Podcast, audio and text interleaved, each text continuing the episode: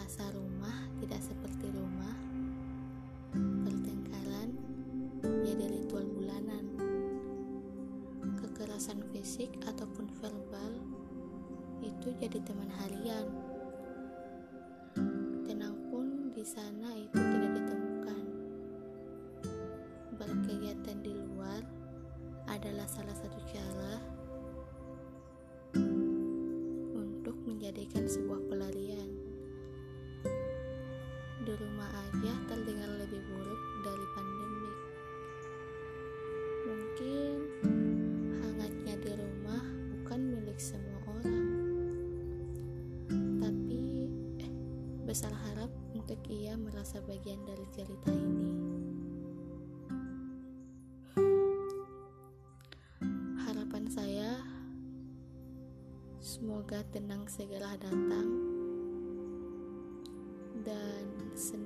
lebih sering hadir daripada sedih. Segera, sesegaranya. thank you